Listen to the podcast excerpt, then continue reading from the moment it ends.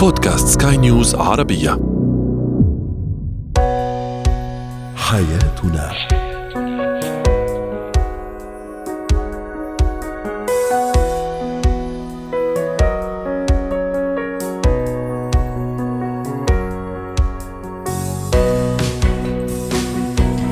مستمعينا الكرام أهلا بكم معنا إلى حياتنا فضاؤكم اليومي الذي يعنى بشؤون الأسرة وباقي الشؤون الحياتية الأخرى. والذي يمكنكم الاستماع إليه عبر منصة سكاي نيوز dot com slash podcast وباقي منصات سكاي نيوز العربية الأخرى. شاركونا عبر رقم الواتساب 00971 561 886223 معي أنا آمال شاب. اليوم نتحدث عن قواعد مهمة جدا يجب أن نلتزم بها ونحافظ عليها عند التعامل مع أهل الزوج أو الزوجة أهل الشريك.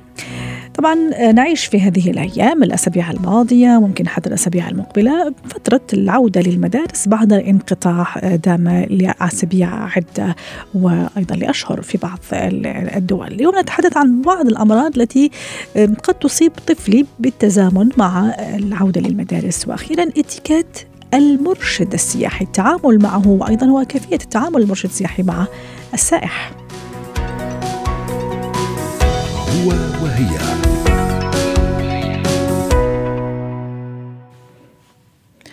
بعد الزواج ويعني بعد دخول في القفص الذهبي وبيت الزوجية التعامل لن يقتصر فقط على التعامل مع الزوج أو الزوجة بشكل جيد والشكل مريح وطرق نتعلم من خلالها كيف نقوي علاقتنا ببعضنا البعض، لكن الأمر يتعدى ذلك آه، ليصل أيضا للتعامل مع أهل الزوج وأهل الزوجة، يعني نقطة جدا مهمة ويعني آه، مفصل كثير مهم صراحة في العلاقة بين آه، الشريكين وبين الزوجين. ما هي القواعد التي يجب أن ألتزم بها والحدود أيضا التي يجب أن أضعها؟ ويضعها كلا الجانبين في الحقيقة التعامل مع أهل الزوج لعلاقة جميلة وودية وفيها كثير من الاحترام وكثير من التهذيب والتقدير. رحبوا معي بدكتورة نهاية رماوي الاستشارية النفسية والأسرية سعد أوقاتك دكتورة نهاية. إيش هي القواعد اللي يجب أن نحطها؟ يعني آه، في راسي جيدا مثل ما بيقولوا كزوج أو كزوجة أيضا تتعامل مع أهل الطرف الآخر. أهل الشريك اللي كمان هم ناس غاليين جدا وعزيزين جدا على هذا الشريك. مساء الخير أمان يا أهلا وسهلا. آه إن شاء الله دائما هيك نحس إنه في بيوت عم بتطلع بيوت يعني لما يصير الزواج في بيوت جديدة عم بتصير. لكن الأساس هذا البيت اللي طلع منه الزوج أو الزوجة. فهو امتداد للبيت الصغير اللي بتكون. فإذا كان هذا الامتداد يعني إيجابي مريح صحي. بنلاحظ إنه هذه العلاقة سترصد بروافد صحية وبيكون بالتالي في سند في قوه وأساس لهذا البيت، لذلك إحنا بنحرص على تربية أولادنا وبناتنا ونعلمهم حتى إنه لما يصير في عائلة أخرى أنت مرتبط فيها انه بدك تدخل على عائلة لها قواعد، لها أصول، لها قوانين، آه، في لها طريقة تعامل معينة، معتقدات معينة، إنه أول شيء أنا بأكد على احترام المعتقدات والقوانين الموجودة لكل أسرة وما أحاول إني لما آجي بدي أدخل على هذه الأسرة إني أغيرها حسب ما أنا بشوف. بدي أكون شوي موضوعية بحيث إنه إذا بيصير تغيير يصير تغيير من الطرفين بما يتناسب مع احتياجاتنا. بالتالي الاحترام هو أساس العلاقات والعلاقة بين الشريك وأهل شريكه أو شريكته وبالعكس. إذا كان هذا الاحترام قائم أكيد رح يصير في عندنا هناك حدود وهناك خصوصية تفرض نتيجة آه هذا الاحترام. فإذا كان إنه أنا أعطيت لكل حدا قدره أو قيمته سواء كان حماي حماتي آه الزوج أو الزوجة آه الأخوان الأهل فبكون فرضت احترامي. فأنت من تضع الحدود بطريقة تعاملك. إذا دخلت بطريقة حاسس فيها في حب في مودة في احترام معطي قيمة أكيد أنت الناس راح تعطيك هذا الاحترام بالمقابل. وبتعرف كيف تتصرف بالمواقف اللي بتحس فيها معيقات أو مشاكل. لأنه المشاكل أكيد رح تصير لأنه صح. أنت بتتعامل مع ناس وبشر وكل حدا له طريقة تفسير وطريقة تفكير معينة. صح. وأكيد موضوع التغافل هون كثير ضروري دكتورة نهاية صح؟ يعني وجب التنويه له يعني مو كل شيء يصير مثلا بيني وبين أهل الزوج أو الزوجة لازم إني أتوقف عنده وأحلله ومدري إيش وأعمل منه من الحبة قبة مثل ما بيقولوا وأعمل مشاكل وافتراضات. فيعني التغافل زين وبالعكس هو نوع من أنواع الذكاء. طبعا هلأ التغافل لأنه مش كل المعارك تستاهل إنك تخوضها. 100% موقف بدك توقف عنده. مش كل آه شيء ازعجني بدي آخذ ردة فعل. لأنه بالآخر بنصير إحنا زي كأنه متحبين ومتنبهين لرد الفعل وللصد وكأنه إحنا في معركة. صح. في بعض المواقف إذا حسيت إنه مثلا طلعت الكلمة مش مقصودة أو مثلا طلعت بطريقة أنت يمكن تكون فهمتها أعطي هيك فرصة للتفكير أعطي مساحة إنك تتغافل أعطي فرصة إنه الناس يحسوا إنهم غلطوا بحقك بس أنت لما ما أخذت ردة فعل بقوة لأنك قوي مش لأنك ضعيف أكيد رح تحسب حسابك للمرة الثانية. فزي ما حكينا أنت أكيد بترد على هاي السلوكات بتخلي اللي أمامك يحسب لك حساب بطريقة إنه أنت شخص محترم. فممكن إنه باحترامك والتغافل اللي أنت عم تعمله بحب وبرضا وبيقدر يرد. يعني الإنسان عنده لسان وبقدر ممكن يجاوب ممكن يتصرف ممكن يكون عنده. لكن إذا أنت تغافلت بطريقة لي ما تكبر الأمور. يعني إذا قدرت انت توقف عندك يعني هي عم تكبر زي كرة الثلج. وقفت عندك ما كبرت معناته أنت تتمتع بذكاء اجتماعي. بدل ما تكبر الأمور وتخرج عن سيطرتنا بتكون قابله للسيطرة وعندنا قدرة على تحملها. لأنه كل ما تكبر أكثر بصير قدرة التحمل أكثر والسكوت صعب. فمشان هيك بنقول إنه في بعض الأمور ما توقفوا عندها خاصة إذا بدرت من شخص كبير مثلا إذا كان حماك أو حماتك والعكس إنه يعني مرات بدنا ناخذهم بحسن نيه وتسامح وتغافل ونمشي مش ضروري نوقف صح. عندها يعني إذا كانت تتوقعي إنه الأمر اختلف يا دكتورة بين بين جيل زمان وجيل الحالي؟ طبعا الجيل الحالي يعني في اختلاف كبير هذاك اليوم حتى ناقشنا الموضوع وكنت حضرتك معنا إنه يعني الجيل الحالي بيميل مثلا الاستقلاليه في بيت مستقل وما إلى ذلك. لكن رغم هذا حتى وإن استقلينا في بيوتنا لحالنا لكن ضل طبعا علاقتنا مع اهالينا علاقة وطيدة ومستمرة ومع أهل الشريك كمان. الفكرة في الموضوع هل اختلف الموضوع زمان عن اليوم؟ زمان ممكن كانوا يتحملوا أكثر الصبايا والكنات. آه، الحين شوي يختلف الموضوع. ما أدري إذا الموضوع صحيح ولا لا. لما كذا يعني تصير يصير الكلام في العيال وكذا يقول لك إيه زمان حنا كنا نتحمل. الحين بنات اليوم ما يتحملن. صحيح ولا حنا ظالمينهم أو ظالميننا؟ إحنا كمان بنات اليوم. مضبوط يا أمال اللي بتحكي لأنه إحنا هذا بنشوفه على أرض الواقع. هلا الأفكار اللي كانت موجودة عند الجيل الأقدم يعني من الشباب المقبلين الآن على الزواج كانت قدرة التحمل عندهم أكثر صعوبات الحياة عندهم يعني في عندهم توقع لصعوبات الحياة. هلا طبيعة المرأة خروجها للعمل الاستقلالية بتخليها ما تتحمل. يعني بقول لك أنا إذا شخص عندي هاي المواصفات وبشتغل وبطلع وبعمل وبنجز فمش مضطرة إني أتحمل ضغوطات فمشان هيك بنلاقي حتى طبيعة الحموات اختلفت. يعني هلا بنلاقي الحموات إنه عندهم مثلا حياتهم صديقاتهم عندهم مثلا ممكن يكون عملهم. فهم الاحتياج العائلة للعائلة ما صفى بالصورة النمطية اللي كانت موجودة. بالعكس هلا إحنا الدعم هو الأساس إنه بالعلاقات. فبقول إنه حلو تكون لك علاقة مع دار حماك تجتمعوا مثلا مع بيوم الجمعة. إيه، لأنه أولادكم بكرة بينشأوا نشأة سوية في العائله إنه ما ما ننفصل انفصال كامل لأنه بيأثر على نفسيتنا ونفسيه الأطفال فوجود ونفسية الجد والجدة كمان ترى ياخذوا على خاطرهم في الحقيقة. آه طبعا على خاطر لأنه بالآخر أنا يعني كل حدا يحط حاله محل الأم صح أو صح. سواء للبنت أو أو الزوج أو الزوجة. يعني بالآخر بيكبروا بيهتم فيهم وكذا بالآخر عشان يشاركونا آه حياتهم. بعض جزء منها طبعا أكيد أولادهم الاستمتاع بوجودهم بحياتنا. فلما إحنا نحط حالنا محلهم أكيد رح نقدر إنه ضروري إنه إحنا نلتقي آه، كعائلة مع أولادنا مع الجد والجدة بمناسبات حلوة ما نعتبرها واجب. اليوم الخميس نروح عند أهلك نروح عند أهلك. لا ناخذها على سبيل إنه هذا التفاعل إنه بيأثر نفسيا صح. إيجابية سواء على الزوج والزوجة أو على الأطفال. والمرونة كمان مطلوبة. إذا أنا اعتذرت لسبب أو لآخر عادي الطرف الآخر يتقبل. يعني آه، عرفتي كيف؟ كمان المرونة شيء طيب وشيء جميل في مثل هذا المواقف. شكرا لك دكتورة نهاية سعدتيني دائما رائعة ومبدعة في كل مداخلاتك وأتمنى لك أوقات سعيدة. زينة الحياة. اليوم نتحدث عن آه، بعض الأمراض آه، اللي تصيب الطفل وتكون يعني آه، متربصة للطفل بالمرصاد بالتزامن مع عودته للمدرسة. وبعد نعم نعيش صراحة هذا الأيام. لسه الطفل ما يعني أخذ مية بالمية على الجو المدرسة بعد أسابيع وأيام وليالي طويلة من المرح واللعب. رحبوا معي بدكتور سامح عبد العظيم استشاري طب الأطفال. دكتور سامح ما أدري كيف وضعك أنت مع عودة العيال للمدرسة؟ ما أدري إذا عيالك ما شاء الله في المدرسة ولا لسه؟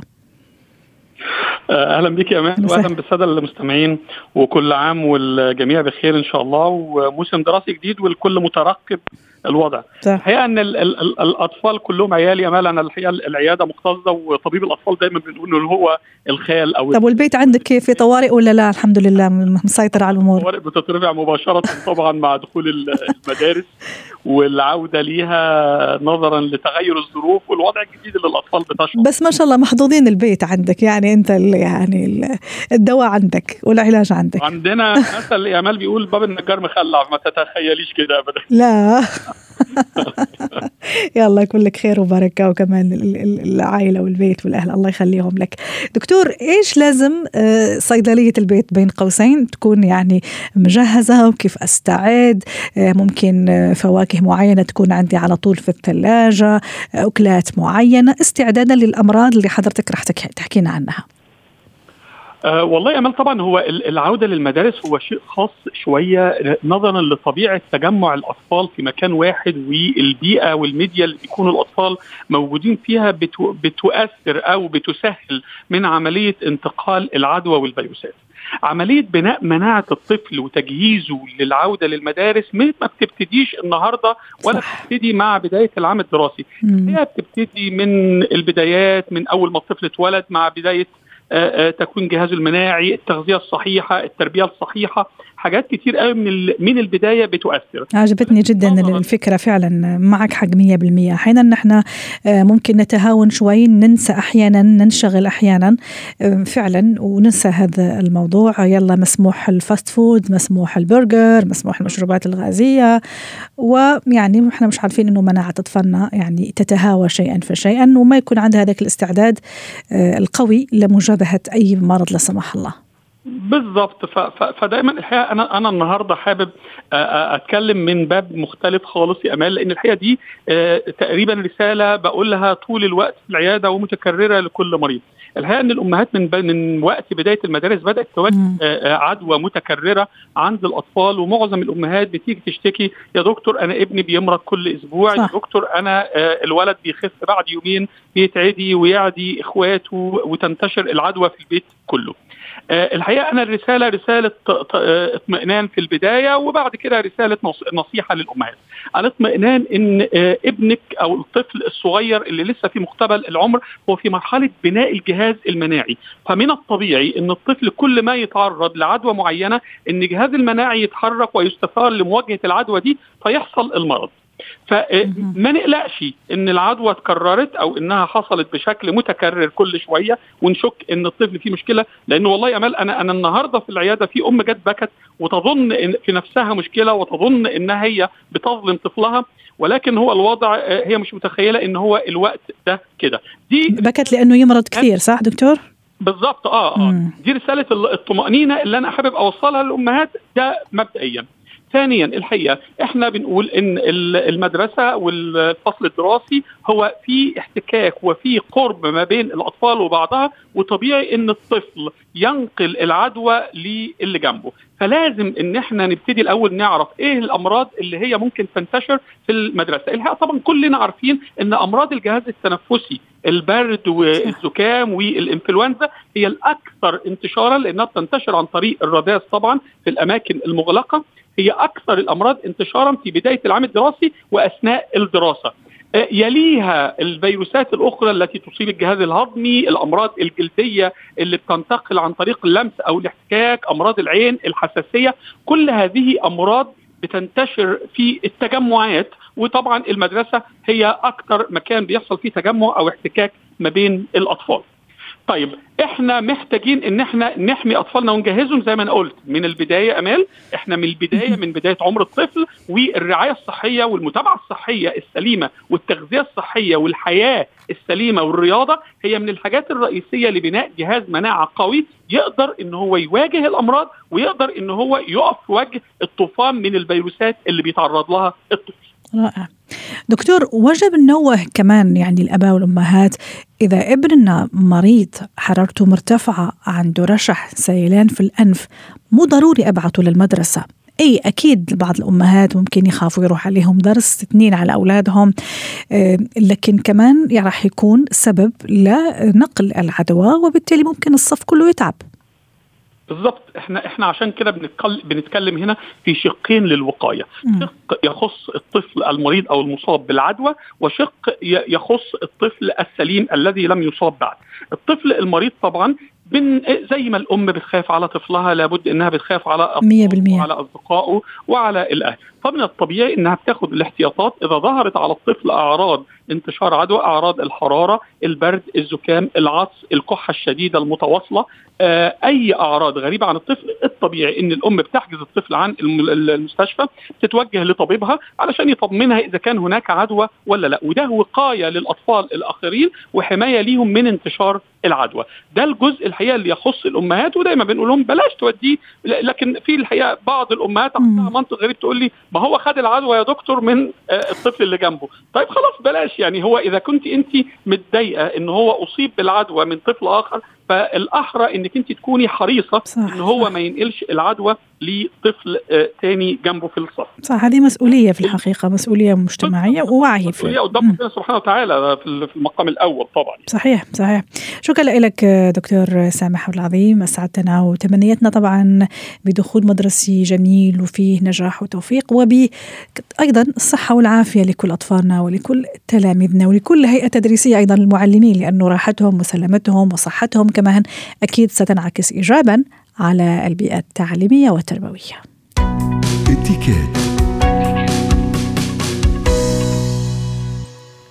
اليوم نتحدث عن المرشد السياحي اللي عادة بنقابله في سياحة أو في, في سياحة عفوا في زياراتنا لبلدان معينة. أحيانا نختار يكون معنا جايد ممكن شخصي يكون معنا 24 ساعة أو ساعات يعني اللي أحب أني أكتشف فيها المعالم والبلد.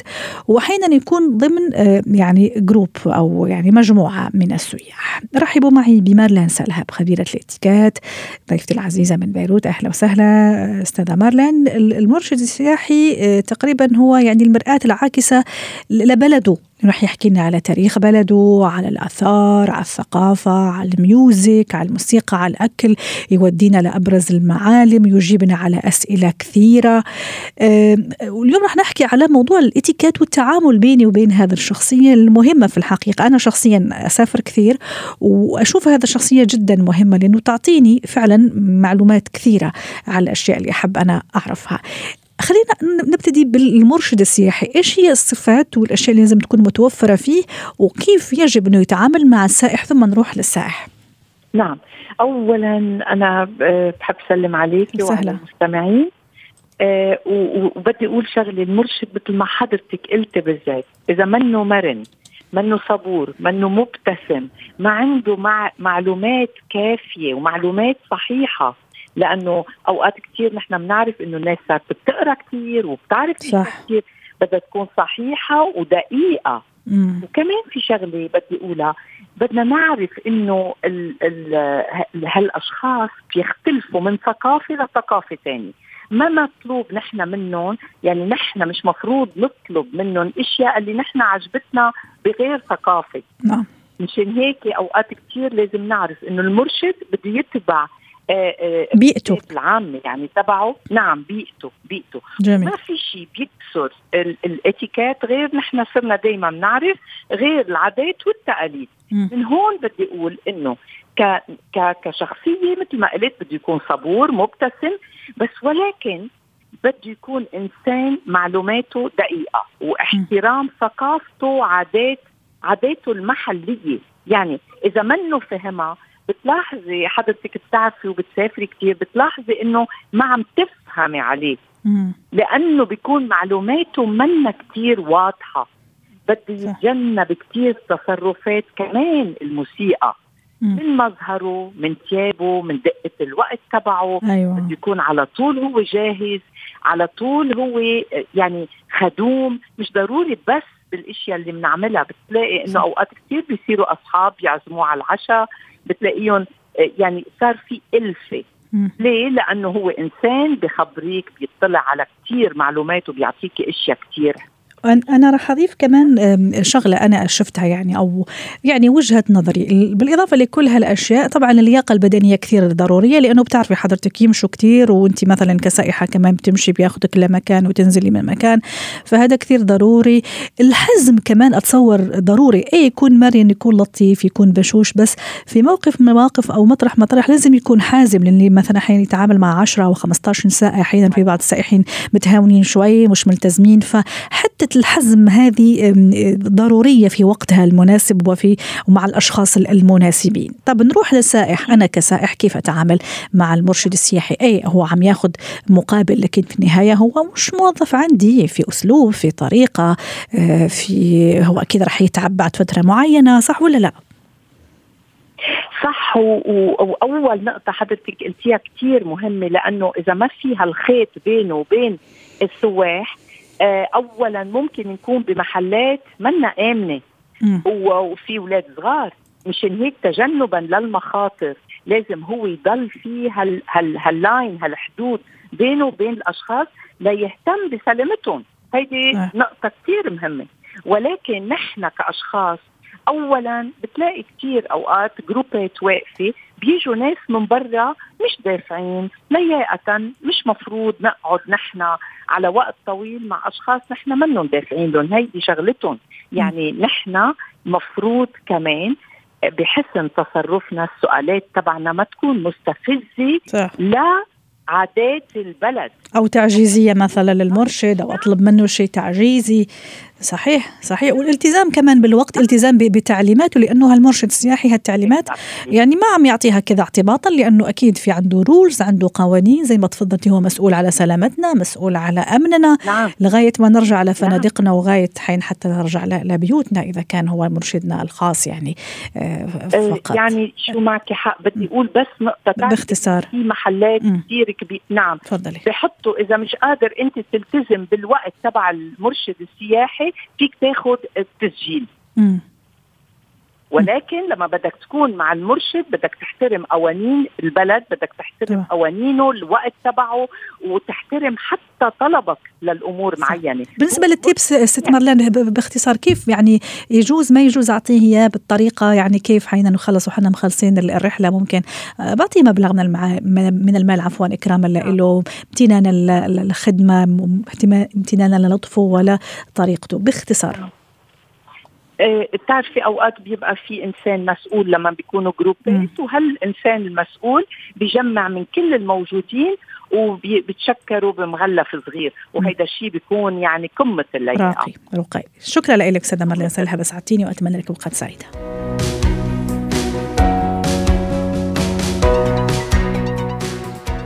ختام حلقة اليوم من حياتنا. شكرا لكم وإلى اللقاء.